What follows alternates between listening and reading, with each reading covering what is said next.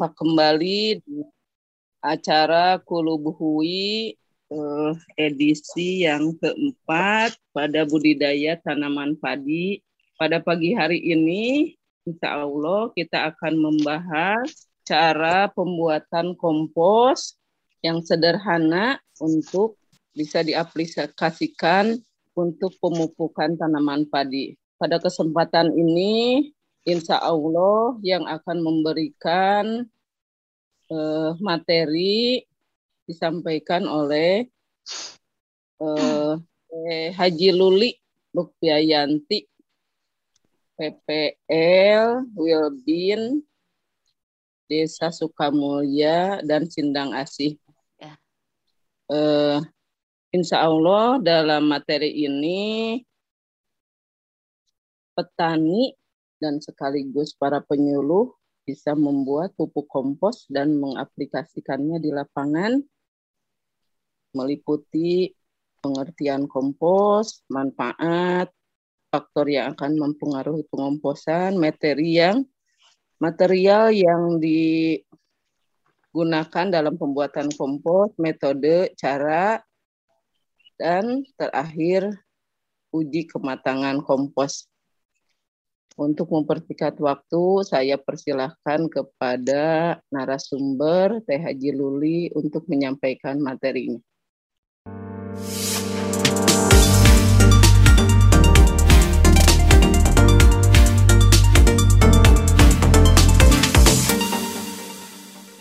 Assalamualaikum warahmatullahi wabarakatuh. Eh, selamat pagi semuanya, Wilujeng Enjing, Kasadayana, Pamiarsa Klub Hui Nutos Setia setiap minggu pagi menemani salah satu program unggulan BPP Karangtengah Hui yang masuk juga dalam nominasi inovasi teknologi tingkat Jawa Barat. Hidup Pak Koluh lah selamat. Mudah-mudahan ke depannya Hui semakin banyak fansnya gitu ya. Fans Club Hui. Kaosnya Pak Koluh selesai kantun dibagikan PPL nah yang kebagian uh, alhamdulillah wasyukurillah uh, uh, pada hari ini kita bisa berkumpul bersama dalam keadaan sehat walafiat. Salawat dan salam juga mari kita sama-sama limpah curahkan kepada junjungan alam Nabi besar Muhammad Shallallahu Alaihi Wasallam kepada para keluarganya, sahabatnya hingga kita umatnya di akhir zaman. Sebuah uh, kebanggaan lah, kebahagiaan tersendiri bahwasanya uh, pada hari ini saya pribadi ucapan terima kasih uh, pada semua yang sudah hadir uh, di chat itu ada berapa ya? 18 orang ya. Mudah-mudahan sambil berjalan terus terus hadir semuanya. Sudah bisa setia menonton uh, menonton via virtual meeting Kulubui. Pak Kolo juga terima kasih sudah difasilitasi Kemudian juga rekan-rekan penyuluh yang sudah hadir pagi-pagi biasanya meriwah.com, tapi alhamdulillah kita bisa menyempatkan satu jam ke depan untuk uh, niatan tolabul ilmi lah insya Allah jadi barokah, insya Allah jadi manfaat buat semuanya.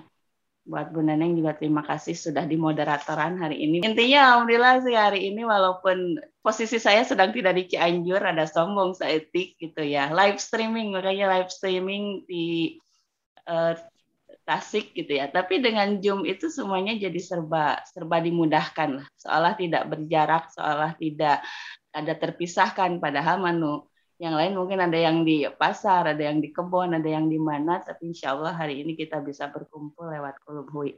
Kembali ke topik yang akan kita bahas hari ini, yaitu tentang uh, kompos. Tentang kompos. Jadi tadi di pengantar teh eh, Bu Neng sudah menceritakan bahwa yang akan dibahas hari ini adalah tentang kompos. Tujuannya ya sekedar sharing sih intinya, sharing, mengingatkan, kemudian saling ngageing lah intinya bahwa kita kembali ke alam. Kita kembali ke alam, memanfaatkan lagi apa yang ada di alam.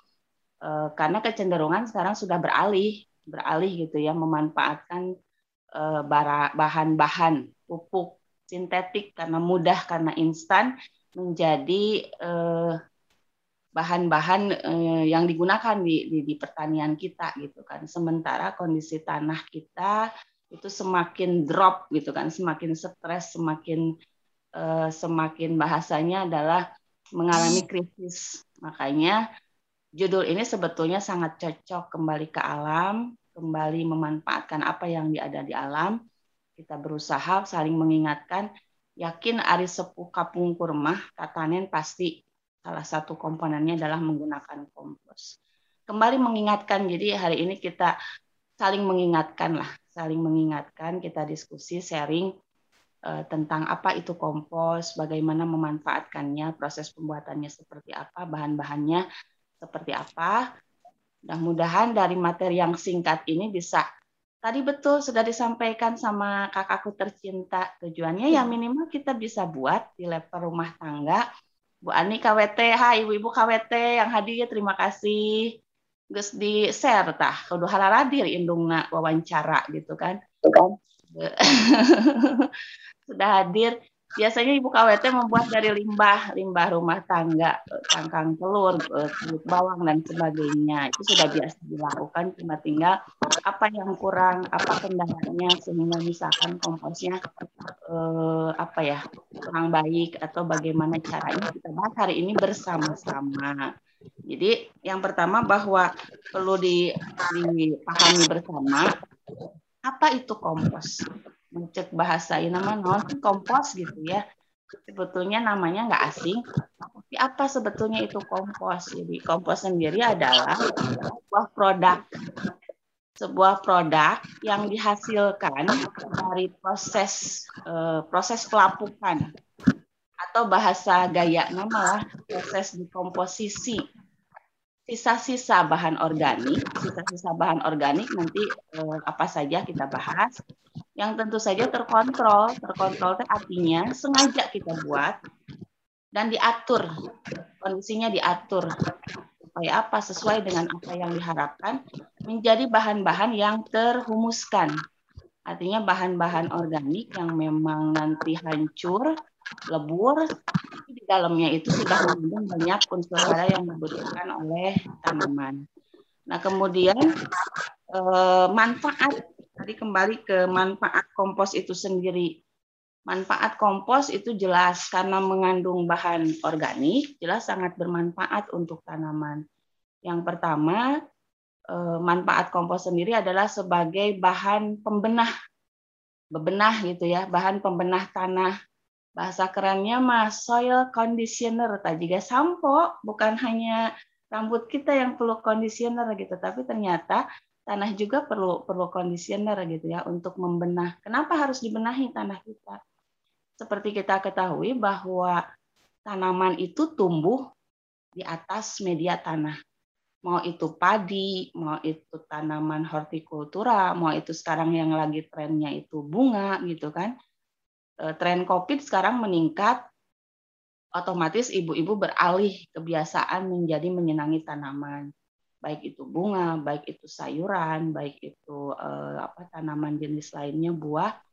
Nah ini me membuat eh, biasanya menjadi media tanam itu menjadi sesuatu yang dicari, dicari, dibeli, dibuat, atau memang eh, apa namanya eh, menjadi apa ya sesuatu yang memang sekarang trennya naik ke sana gitu ya jadi kompos ini penting untuk uh, pembenah tanah soil conditioner kemudian yang kedua fungsi yang kedua adalah manfaatnya meningkatkan kandungan bahan organik tanah bahan organik gitu ya bahan organik bahan organik ini bahan-bahan yang baik bahasa gampangnya adalah bahan-bahan yang baik bahan-bahan yang dibutuhkan oleh tanah sehingga mempertahankan, bisa mempertahankan dan menambah kesuburan tanah pertanian. Balik lagi tadi tanah kita teh sudah lelah, sudah jenuh, sudah uh, stres gitu kan. Nah, bahan organik dari kompos inilah yang nantinya bisa mempertahankan, menambahkan kesuburan uh, tanah pertanian kita.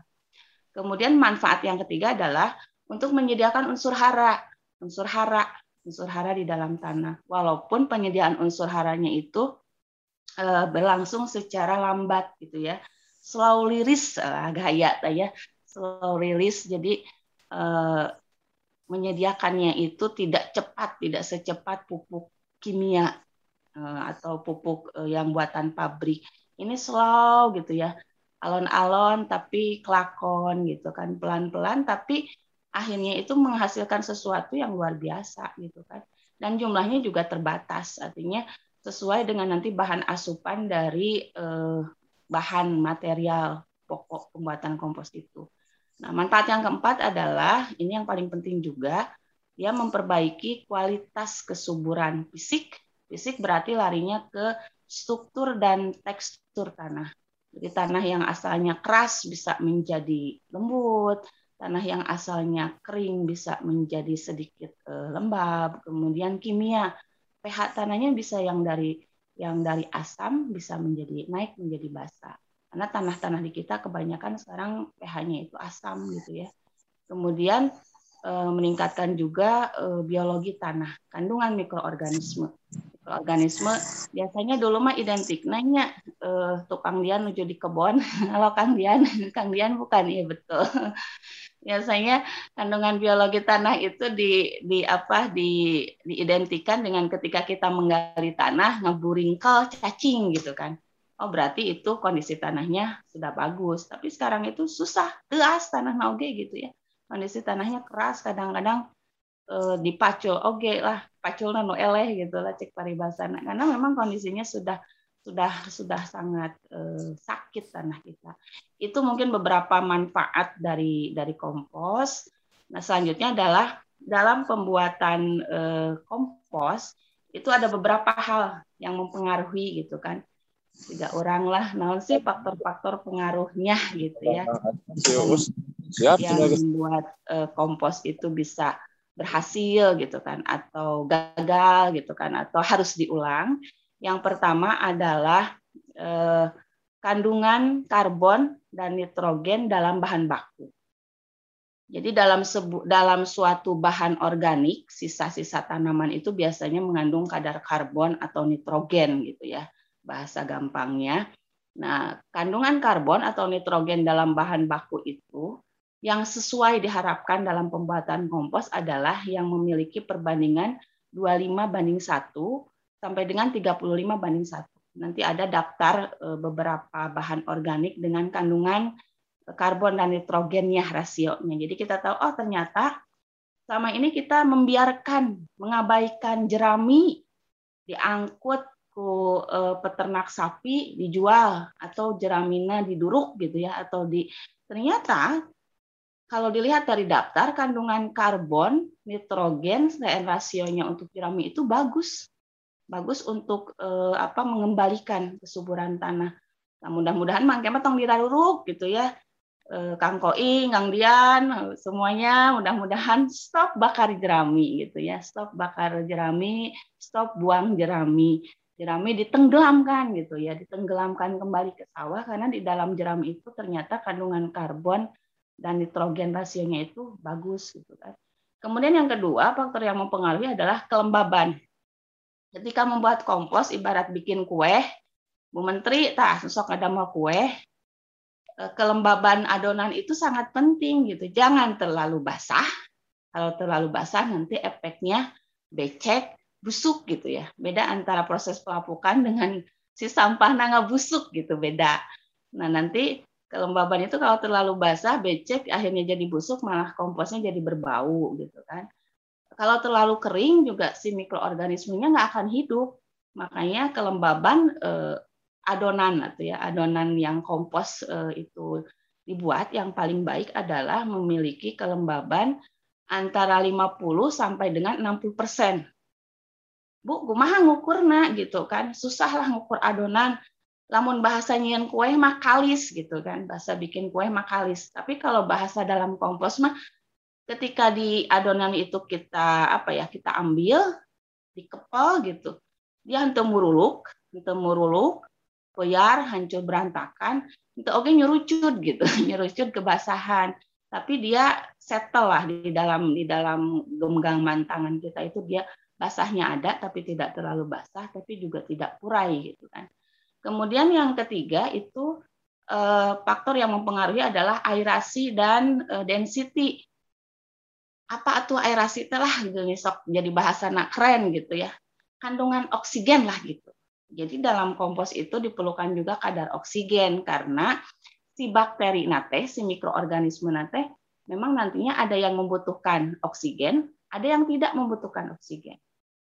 Ada yang aerob, ada yang anaerob. Nanti kita bahas bebarengan lah naon eta si aerob dan anaerob teh gitu ya. Jadi oksigen yang dibutuhkan itu hanya kurang dari 10%. Kemudian kerapatan, kerapatan kepadatan si bahan bakunya itu antara 250 sampai dengan 400 kg per meter kubik. Jadi ulah pepet gitu, dedet pada det sampai ke si herin usik misalkan dina dina amparan komposna atau dina drumna atau dina karungna atau dina keranjangnya. Tapi juga jangan terlalu banyak ruang gitu kan. Jadi kerapatannya antara 250 sampai dengan 400 kg per meter kubik. Kemudian kandungan C organik. Tadi C organik tiap bahan itu beda-beda. Yang dibutuhkan yang paling baik untuk pembuatan kompos antara 50 sampai dengan 70 persen. Kemudian suhu Suhu yang di yang ideal untuk untuk kompos itu 45 sampai dengan 60 derajat Celcius. Itu pada fase 2 sampai dengan 5 hari. Tandanya apa? Ya 45 mamerin lamun dicabak karena tarang itu teh hareeng gitu ya. Jadi hareeng memang 45 teh panas ke badan kita aja kalau kita suhu 40 derajat itu uh, lumayan nyebret gitu kan. Ini sampai 60 derajat Celcius. Cirinya adalah ketika nanti komposnya itu sudah dibuat, eh, dipegang, suhunya panas gitu ya. Panas itu menandakan memang di dalam sedang terjadi proses eh, dekomposisi atau proses pelapukan. Terlalu panas tidak baik juga, misalkan sampai 100, syukur-syukur dicek gitu pakai termometer. Tapi kalaupun tidak, yaitu indikasinya adalah eh, dipegang, dia panas gitu kan. Itu sedang proses-proses pelapukan Terlalu panas jangan, makanya perlu dibalik. Nanti ada proses pembalikan si kompos itu supaya suhunya stabil. Terlalu dingin juga tidak baik juga gitu kan. Berarti si mikroorganisme di dalam tidak berkembang dengan baik. Kemudian ukuran bahan. Nanti bahan-bahan yang dari eh, proses bahan baku pembuatan kompos kan pertama biasanya bahan dari bahan baku pertanian. Ada jerami, misalkan bongol pisang, kemudian tongkol apa eh, batang jagung, kemudian dari batang-batang kedelai, ayeuna kan usumnya kedelai dipanen gitu kan, panen muda, seertah rungkang nak gitu ya batangnya. Itu bisa jadi bahan baku kompos. Itu harus dicacak di walang-walang gitu kan. Asa-asa dicacak gue gitu karena mereka ukurannya lumayan lumayan panjang, kemudian keras gitu. Jadi harus di dipotong, dipotong-potong. Ukurannya diupayakan semakin kecil sebetulnya semakin cepat proses pengomposan. Tapi kalau buat ibu-ibu KWT biasanya bahan bakunya itu kan yang di dapur, sisa-sisa bahan organik rumah tangga. Seperti misalkan apa eh, kupas bawang putih, bawang merah, pokoknya kunyit, jahe, kadar itu, terus kupasan buah mangga lah atau misalkan pisang lah. Itu dipotongnya agak-agak mudah karena tidak terlalu keras gitu kan. Memang rata-rata sudah kecil-kecil Nah, itu mempengaruhi ukuran bahannya, ukuran bahan baku komposnya. Kemudian volume pengomposan. Volume pengomposan itu besar kecilnya pengomposan yang dibuat kita buat itu juga berpengaruh gitu ya. Tergantung nanti suhunya. Biasanya kalau semakin pepat semakin banyak suhunya akan semakin tinggi. Minimal itu kita membuat tinggi layernya, layer kompos itu 20 cm, maksimal 3 meter. Jadi nggak boleh lebih sampai kasa gunung gitu ya jika gunung sampah gitu kan. Eh, tiga meter, nanti tiga meter pun kanan kiri itu panjang kali lebar dan kali tingginya juga biasanya tiga meter disesuaikan. Gitu kan. Yang terakhir yang mempengaruhinya adalah inokolumnya atau bahan eh, mikroorganisme yang membantu mempercepat proses pengomposan itu bisa dari yang sudah jadi yang sudah jadi di apa di mana e, di toko lah banyak mereknya gitu ya mau em em sabaraha gitu kan ya. Kemudian bisa juga dari mall. Nah, mall mah kalau nggak salah dua episode ke belakang itu sama Bu Tiara sudah dibahas jadi nggak akan saya bahas hari ini membuat mall. Nah bisa jadi juga si mall ini bahan untuk inokulum kompos. Kemudian trichoderma nah halo Yuni trichoderma itu kan Eh, Pak Udin Bakti Mandiri 1 itu sudah memproduksi trikoderma. Jadi halo buat petani yang butuh trikoderma, silahkan menghubungi Ibu Yuni difasilitasi karena uh, Bakti Mandiri satu itu menjadi kelompok agen pengguna uh, hayati gitu ya. Di sana memproduksi trichoderma. Itu beberapa faktor yang mempengaruhi uh, apa? mempengaruhi uh, pembuatan kompos. Kita lihat tadi ada breng-breng, tah nama bahan organik dan CN rasionya enggak lah dibaca we gitunya jadi Priyogi nanti bisa di-share uh, ininya materinya. Kita lihat kandungan uh, rasio karbon dan nitrogen dari beberapa bahan organik yang biasa digunakan. Kalau dilihat, kalau dilihat nih yang paling mendekati itu uh, sampah sayuran ya, sampah sayuran, sampah dapur, terus kotoran sapi, kotoran kuda hese namanya di orang mah kecuali di Sinang Lakata ya Pak Haji Asep ya kuda didinya. Terus kambing juga, kambing ya, kambing di situ juga sekitar 25 banding satu. Nah ini kandungan-kandungan CN rasio berdasarkan bahan yang ada di dalam eh, bahan organik eh, bahan bakunya gitu ya. Ini memang hasil perhitungan biasanya ada perhitungan ada rumus-rumus tertentunya. Nah kemudian metode kita lari ke metode dalam pembuatan kompos ada beberapa metode Oh, bahan dulu. Ya, sip, bahan dulu. Bahan yang bisa dijadikan kompos. Beberapa bahan sisa tanaman, sisa aduh gaya, sisa tanaman. Sisa tanaman ini kulit-kulit ya, kulit buah, kulit e, pisang gitu ya, sisa-sisa tanaman, serasa tanaman misalkan e, kayak apa? E, namanya itu teh ari kulit ari naonnya itu teh pare gitu ya, kulit ari pare naon namina. Sekam, eh bukan sekam non atuh?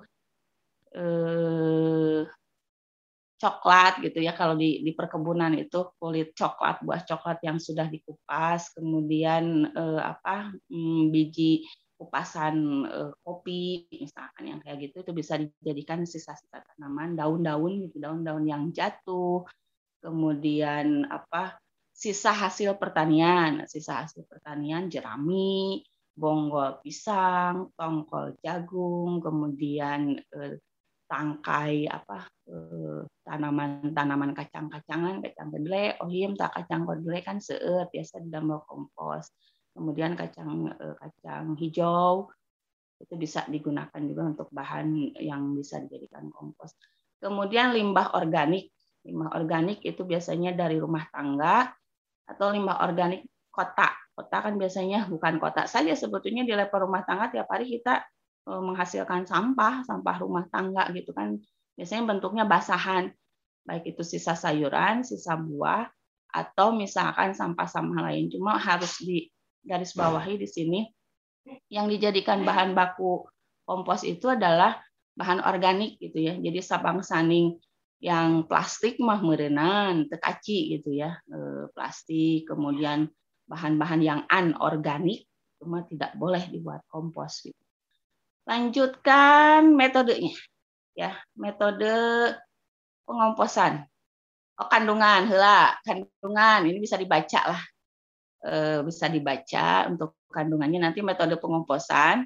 Ini bahasa-bahasa kerennya gitu ya. Bahasa kerennya nggak apa-apa kita tahu bahasa kerennya ini buat buat apa ya buat ilmu pengetahuan juga bahwa metode pengomposan itu ada beberapa macam. Yang pertama ada metode indoor gitu ya. Metode indoor ini bahan-bahan yang digunakan adalah campuran sisa residu tanaman kotoran urin ternak abu bakaran kayu dan air. Yang spesialnya di sini adalah ada abu bakaran kayu jadi ayah ayah abu gitu ya pakai abu. Si karbonnya itu sumber karbonnya adalah dari abu bakaran kayu. Si indoor in, ya kemudian metode HIP. Metode HIP gitu kan. Pengomposan dilakukan di permukaan tanah berukuran dasar 2 meter tinggi satu setengah meter dan panjang 2 meter. Bagian tepi dipadatkan dan di sekitar timbunan diberi penuduh atau pelindung. Ini yang biasa kita buat. Kita nggak pernah tahu itu ternyata oh orang masuk. Ternyata metode HIP gitu ya yang biasa sering dipakai untuk oleh petani oleh kita itu metode HIP. Kemudian eh, metode Bangalore. Metode ini direkomendasikan apabila bahan dasar pembuat kompos yang digunakan adalah tinja. Tinja atau peses gitu ya. Ini bahan bakunya tinja atau peses manusia dan sampah kota di daerah yang mempunyai curah hujan terendah. Ini biasanya di negara-negara maju Jepang, Korea, mereka sudah mengolah tinja tinja manusia itu ditampung dalam sebuah bak penampungan yang besar, disedot dari setiap eh, WC toilet yang ada, itu nanti diolah menjadi kompos. Kalau di kita kayaknya belum gitu ya, belum sampai ke sana, baru sampai tahap disepit, yang disedot, dibuang gitu. Mudah-mudahan ke depan bisa lah dimanfaatkan tinja manusia untuk kompos.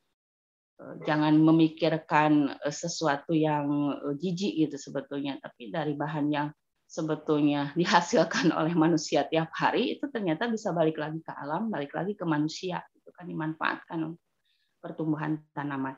Kemudian metode Berkeley.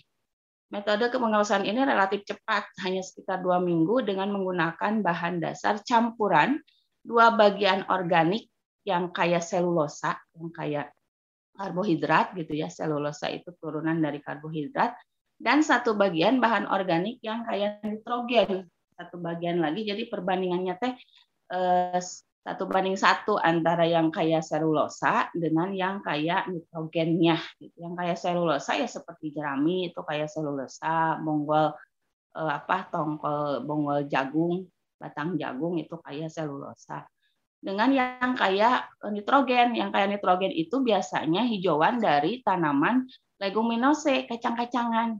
Gitu ya. Nah ini perbandingannya eh, setengah satu bagian dari organiknya, satu bagian dari yang kaya dua sorry dua bagian dari bahan organik yang kaya selulosa dan satu bagian dari bahan organik yang kaya nitrogen. Perbandingannya 30 saya rasionya yang 30 banding satu. Kemudian permikompos. Permikompos ini memanfaatkan cacing. Nah, ini metode yang menggunakan cacing sebagai perombakan bahan organik itu eh, disebutnya permikompos. Cacing sendiri kan si golongan dari permes gitu ya, golongan permes cacing. Makanya yang menggunakan cacing ini disebut permikompos. Dan ada satu lagi, lupa tidak tertulis di situ, ada metode baru pembuatan kompos yang sekarang lagi tren disenangi ibu-ibu namanya metode takakura. Dari dari situ ya dari dari Jepang gitu ya. Metode takakura. Jadi menggunakan metode dengan keranjang. Pakai keranjang dilapisi nanti di layer-layer tanah bahan organik. Kemudian disiram dengan eh, apa mikroorganisme tutup lagi tanah. Begitu selanjutnya gitu ya. Jadi metodenya namanya takakura tetapi disederhanakan dengan spesifik lokal karena kalau kita bikin keranjang, beli keranjang gitu ya atau keranjang yang dari bambu itu eh, kalau beli yang plastik lumayan harganya mahal lebar gitu kan atau dari yang bambu itu juga eh, kita kadang kesulitan. Si takakura versi versi kita mungkin bisa diganti dengan metode karung gitu. Takakuranya diganti dengan karung. Bisa itu juga bisa dilakukan. Selanjutnya kita beralih ke Nah ini untuk pembuatan mall itu sudah sama Bu Tiara di minggu dua minggu yang lalu ya, di minggu yang lalu. Nah sekarang ini pembuatan kompos itu dibagi menjadi dua dua macam ya. Ada yang metode aerob, ada yang metode aerob, ada yang metode anaerob. Ini bahasa kerennya gitu, bahasa kerennya. Kalau bahasa sederhananya adalah yang membutuhkan oksigen, menggunakan oksigen, dan yang tidak menggunakan oksigen gitu kan. Apa bedanya? Kalau yang menggunakan oksigen biasanya dilakukan di tempat terbuka. Jadi yang di tempat terbuka bisa di sawah, bisa di kebun gitu kan. Di tempat eh, tempat terbuka itu menggunakan oksigen dengan sirkulasi udara di, di, di, di lahannya gitu kan. Dan bahan-bahan yang cocok, ini bahan yang cocok untuk tipe pembuatan secara aerob itu biasanya menggunakan eh, yang memiliki kadar CN rasio 30 banding 1 dengan kadar air 40 persen. Kedebok pisang gitu ya. Kemudian hijauan dari leguminose dan biasanya kotoran yang digunakan kohenya adalah kotoran unggas kotoran unggas gitu kan. Kalau yang anaerob, anaerob itu yang tanpa menggunakan oksigen, biasanya itu uh, di tempat yang tertutup, bisa di tong, di tong bekas gitu kan. Atau di karung. Dan biasanya disimpannya itu eh, di tempat yang tidak terkena sinar matahari di tempat yang di rumah lah namun ibu-ibu disimpan di dapur gitu. Terjadi masalah karena menggunakan yang pembuatan kompos secara anaerob. Bahan-bahan yang biasa digunakan untuk anaerob ini biasanya sisa-sisa gitu ya sisa-sisa sampah eh, dapur kemudian kotorannya biasanya memiliki CN rasionya tinggi gitu ya. Nah, yang membedakan adalah biasanya kalau pembuatan kompos aerob itu skalanya besar, banyak. Karena kan makan tempat gitu, misalkan ukuran 3 meter kali 3 meter, tinggi 3 meter.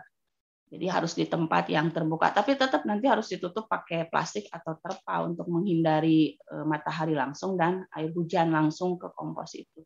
Tapi kalau yang anaerob, jadi metode takakura itu bisa di rumah, gitu ya di rumah atau e, digunakan ditutup pakai gentong atau pakai e, tong gitu kan. Syarat-syarat, nah ini ada yang syarat-syarat yang harus dipenuhi ketika kompos kita buat. Pertama, dicacah kecil tadi sudah dibilang ya. Bahan kompos dicacah kecil satu senti kalau bisa gitu kan. Yang kedua, aktivator harus tercampur merata ke seluruh bahan kompos agar lebih cepat dan cepat di emrat biasanya pakai boyor lamun ngada mana seueur gitu kan. Kemudian bahan kompos juga harus cukup mengandung air untuk mendukung kehidupan jasa ternik di dalam aktivator kompos. Jadi ada tetap kita butuh air untuk menjaga kelembaban tadi 50 sampai 60 persen. Lalu bahan yang kering, nah bahan yang kering ini akan sulit dikomposkan sehingga eh, dia harus tetap gitu ya tadi butuh air untuk di apa disiramkan ke bahan-bahan yang kering gitu serasah tanaman itu sebelum dimasukkan itu harus diemrat dulu dengan air yang terlalu basah juga jangan terlalu sampai jibruk oke basah. Makanya juga ketika pembuatan kompos usahakan jangan terkena uh, hujan ditutup pakai terpal atau pakai plastik. Kemudian kalau menggunakan bak misalnya menggunakan bak nah aja nggak ada bak iya mah khususon ila uh, bikin kompos gitu kan. Itu juga eh, bak pengomposannya itu perlu ditutup perlu ditutup untuk melindungi dari jasad-jasad dernik karena mikroorganisme atau itu tidak semuanya bermanfaat untuk proses pelapukan tapi ada juga mikroorganisme yang malah jadi kepembusukan jadi bau dari air hujan, cahaya matahari, penguapan dan perubahan suhu. Itu syarat-syaratnya. Sebetulnya cukup mudah sih cuma learning by doing lah. Ketika memang kita praktek biasanya ada beberapa hal yang nanti oh ini ternyata gitu kan e, harusnya begini. Ternyata kalau terlalu basah jadi begini terlalu kering jadi begitu gitu kan. Insya Allah nanti kita ada edisi praktek ya Pak kalau nanti ada video video-video di sesi-sesi selanjutnya mungkin khususan untuk prakteknya di kuliahnya gitu ya. Berapa SKS gitu ya untuk prakteknya. Lanjutkan next. Eh, kemudian untuk uh, pembuatan. Nah, ini skema lah kurang lebih gitu ya. Kurang lebih untuk skema pembuatan kompos. Pertama bahan dicincang atau digiling kalau yang kelompoknya dapat bantuan uh, alat pencacah sampah gitu ya. Biasanya uh, ada alat pencacah sampah itu dicincang atau digiling, ditimbang atau ditakar. Ukurannya sih bisa per ember gitu satu ember eh, bahan gitu dan kita membuat larutan EM atau mol ditambahkan gula ya, tambahkan gula ini sebagai makanan dari bakterinya dan aktivator supaya si bahan organik itu cepat uh, tumbuh. Kemudian uh, step berikutnya adalah mencampur semua bahan. Bahan dicampurkan. Ini yang metode ini ya aerob gitu ya di di tempat terbuka. Kayak ada papan-papan gitu kan di di apa eh, di barikade gitu kan kayak dibuat bak gitu campur semua bahan tambahkan larutan EM, EM atau mol dan air hingga 60% aduk sampai rata. Tadi sampai dia e, bercampur rata gitu kan. Kemudian ditutup. Nah tutup bisa menggunakan terpal atau menggunakan karung atau plastik. Pinggir kanannya ya tentu we di iaan gitu ya di pagehan lah gitu ditinggang ditinggang mau Eh, ku batu, bata atau ku papan. Intinya supaya tidak terkena air hujan, cahaya matahari langsung. Kemudian juga dia tap eh, apa kondisinya kuat di dalam gitu kan. Biasanya kalau dalam proses pembuatan itu kalau tingginya satu meter, nanti setelah proses selama satu bulan kurang lebih gitu ya, nanti dia akan menyusut, menyusut menjadi setengahnya ketika proses pelapukan itu sudah terjadi. Eh, fermentasi hingga matang dan sesekali ukuran suhu dicek dan diaduk, dibalikan, dibalikan gitu kan. Kemudian, nah kalau sudah jadi jeng-jreng gitu ya, dianggap eh, satu atau dua bulan kemudian gitu kan. Si kompos ini sudah sudah jadi. Ciri jadi adalah biasanya sudah ada perubahan warna. Warnanya menjadi kehitaman tidak berbau baunya jadi bau bau tanah gitu ya. Bau bau inilah bau kompos yang khas tidak tidak malah bau busuk gitu. Itu biasanya dikeringkan dikeringkan dulu tidak panas juga sudah dingin keringkan. Dan kalau untuk misalkan produksi eh, komersil dijual ada baiknya Eh, si kompos itu digiling gitu ya, digiling dulu, digiling atau diayak, digiling, diayak, lalu di packing, dikemas. Itu yang kita kita lihat di tempat-tempat penjualan tanaman. Biasanya sudah di packing di karungan gitu atau pakai plastik kemasan 5 kilo, 10 kilo, 20 kilo. Itu sudah melalui proses penyaringan. Kurang lebihnya seperti itulah teknik pembuatan kompos secara umum. Tinggal nanti di, di apa disesuaikan kalau mau pakai Eh, wadah tadi tehnya anaerob atau pakai karung itu bisa tidak harus eh, sebesar ini tapi lamun di kebun mah enaknya ya langsung secara aerob dengan dengan volume yang besar. Selanjutnya kita akan membahas tentang hal-hal yang apa eh, kita lihat faktor-faktor ya.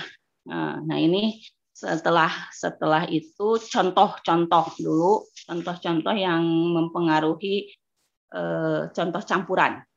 Contoh campuran. Saur ini mah resep merenya resep nah kalau kita bikin yang simple patokannya misalkan kotoran ternaknya. Mau ayam mau eh, mau apa ya, mau kotoran kambing sapi atau unggas satu ember nah, kalau misalkan kita mau dibuat di kayak drum ya drum begitu ya satu ember. Dedak halusnya, huut gitu ya, satu ember. Kemudian sekamnya juga satu ember. Kemudian hijauan atau serbuk kegaji pakan ternaknya juga satu ember. Lalu molasesnya yang tadi, molnya itu yang sudah dicampur air dan gula, eh, itu kurang lebih 5 sendok makan. Sedikit saja karena ini dosisnya kan untuk eh, satu ini ya, satu kaleng gitu atau satu drum gitu ya. Kemudian EM4-nya ini satu sendok makan atau 15 ml dan air secukupnya. Ini contoh campuran tapi menyesuaikan dengan dengan kondisi di lapangan berapa banyak yang kita buat tapi kurang lebih lah kurang lebih kalau skala rumah tangga mau membuat minimal eh, saember dah kagok merenya bisa alit mah gitu dengan waktu yang lumayan lama pembuatannya upayakan malah lumayan rada banyak gitu lah salit Selanjutnya, itu contoh-contoh campuran ya. Ciri-ciri kompos matang, tatos asak ini nama gitu ya. Ciri-ciri kompos matang. Yang pertama berwarna gelap, tidak bau busuk, aromanya menyerupai bau tanah, remah gitu, remah remui, mudah terputus-putus. Jadi kalau yang asalnya daun-daun kayak gitu dia sudah hancur, sudah uh, sudah apa ya, sudah uh, lembut gitu kan teksturnya lembut dan kalau dihitung nisbah atau rasio CN rasionya itu sudah 20. Itu ciri-ciri kompos kita matang dan berhasil dan bisa digunakan. Nanti di di apa di praktek selanjutnya misalkan Bapak Ibu badannya robaan sok eh, der gitu ya. Di pasar kan seurnya eh, nanti sisa-sisa sayuran, damelkeun kompos gitu kan kalaupun nanti berkendala, misalkan berkendala ada kendala, kenapa sih komposnya misalkan eh, artinya dia berbau atau berlendir gitu kan? Ya itu biasanya dalam proses pematangan bahan organiknya saja yang kena kena apa? Kena air terlalu banyak atau misalkan eh, tidak tertutup secara sempurna atau suhunya yang malah terlalu tinggi. Selanjutnya, nah ini untuk ciri-ciri kompos. Terima kasih, uh, alhamdulillah. Tapi ini ada beberapa yang mau uh, sebentar dulu ya tadi apa? Sempat tadi pagi hari, pagi hari sempat sebelum lupa, pagi hari sempat mencatat uh, Jadi ada beberapa kendala yang saya input gitu ya, beberapa kendala di ibu-ibu KWT gitu atau ketika saya pun pernah bikin ternyata ada sedikit kendala, misalkan eh, biasanya yang dijumpai itu kendala ketika membuat kompos ini ada lima gitu ya kendala-kendala yang dijumpai. Pertama kompos tidak terurai dengan baik. Ya, biasanya ini karena eh, apa bahannya yang terlalu besar tidak dicincang. Nah, menanggulanginya adalah eh, di apa di eh, ditambahi dengan tanah gitu kan. Karena tanah ini sebagai eh, media media tumbuh bakterinya. Kemudian komposnya berbau, malah berbau busuk gitu kan, berbau busuk. Ini biasanya mohon maaf eh, kalau bisa dan jangan gitu ya. Bahan sejenis daging gitu ya, sisa-sisa sisa-sisa kalau di dapur mah kayak daging, kayak ikan gitu. Itu dibuat terpisah, jangan disatuin dengan apa? dengan bahan organiknya gitu. Karena kalau daging dengan ikan e, disatukan nanti komposnya cenderung jadi berbau, berbau busuk. Kemudian hmm, apa? Kalau di luar, kalau di luar tadi yang secara terbuka atau aerob, usahakan itu yang memiliki eh, apanya, ulah kakeum lah gitu, ulah kakeum. Jadi ketika hujan dia kakeum si tanahna gitu. Itu juga bisa eh, mengakibatkan eh, si komposnya akhirnya jadi jadi eh, berlendir gitu. Dan kalau menggunakan rumput, ini rumput, usahakan rumputnya sudah kering, tidak basah gitu. Karena kalau kering, eh, kalau basah, dia malah memunculkan gulma. Jadi tumbuh deh gitu di tumpukan kompos nanti jadi tumbuh deh. Dan eh, satu hal bahwa pembuatan kompos ini bervariasi tergantung nanti aktivator yang digunakan atau bahan organik pembantunya. Jadi ada yang dalam sebulan itu sudah jadi, cirinya tadi ya sudah berubah warna, sudah dingin, sudah remui gitu kan.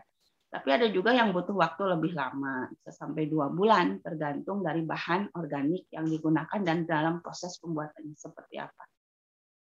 Sepertinya lumayan sudah padat tah dipadat-padatkan kuliah opat SKS hari ini. Uh, Ayadi nuju naon eta ngajeng dehe. eh wai wai mana kulub huina kulub sampuna ya alhamdulillah ya walaupun singkat padat eh, dengan durasi yang lumayan eh, apa mepet tuh dan 6 614 sekarang tinggal jam. Eh, untuk sharing atau sharing berbagi lah berbagi mengenai kompos dan yakin ibu-ibu bapak-bapak lebih pintar dan pengalamannya untuk membuat kompos itu lebih dari dari abdi gitu ya. Kita sharing saja Sekali lagi itu yang bisa saya sampaikan untuk eh, materi hari ini. Mudah-mudahan berkenan, mudah-mudahan ada manfaatnya. Intinya mah hayu diajar orang praktekin. Buka WT, hayu orang praktek ada mau kompos, kompos rumah tangga gitu ya. Cangkang telur, hayu kita buat kompos. Bapak-bapak, hayu ada mau kompos gitu kan. Supaya tidak tergantung lagi dengan uh, pupuk uh, kimia gitu kan. Itu saja yang bisa saya sampaikan. Sekali lagi terima kasih live streaming dari Tasikmalaya. live streaming dari Tasikmalaya. Mohon maaf atas segala kekurangan kalau ada hal-hal yang ingin didiskusikan. Ayolah sarang-sarang diskusi bisa di sini kalau waktunya tidak cukup bisa ke BPP ya. Eh, sekali lagi terima kasih atas perhatiannya. Mohon maaf kalau ada hal-hal yang kurang berkenan, materinya terlalu cepat disampaikan atau ya maklumlah gitu ya. Eh, manusia tidak lepas dari segala kekurangan. Sekali lagi terima kasih Pak Korlu, Meneneng, Nuhun, terus di moderatoran. Next kalau nanti ada tanya jawab atau ada kuis, mangga lah Kak Ibu moderator diuihkan kembali. Mangga Bu Neneng live streaming dari Tasikmalaya. Assalamualaikum warahmatullahi wabarakatuh.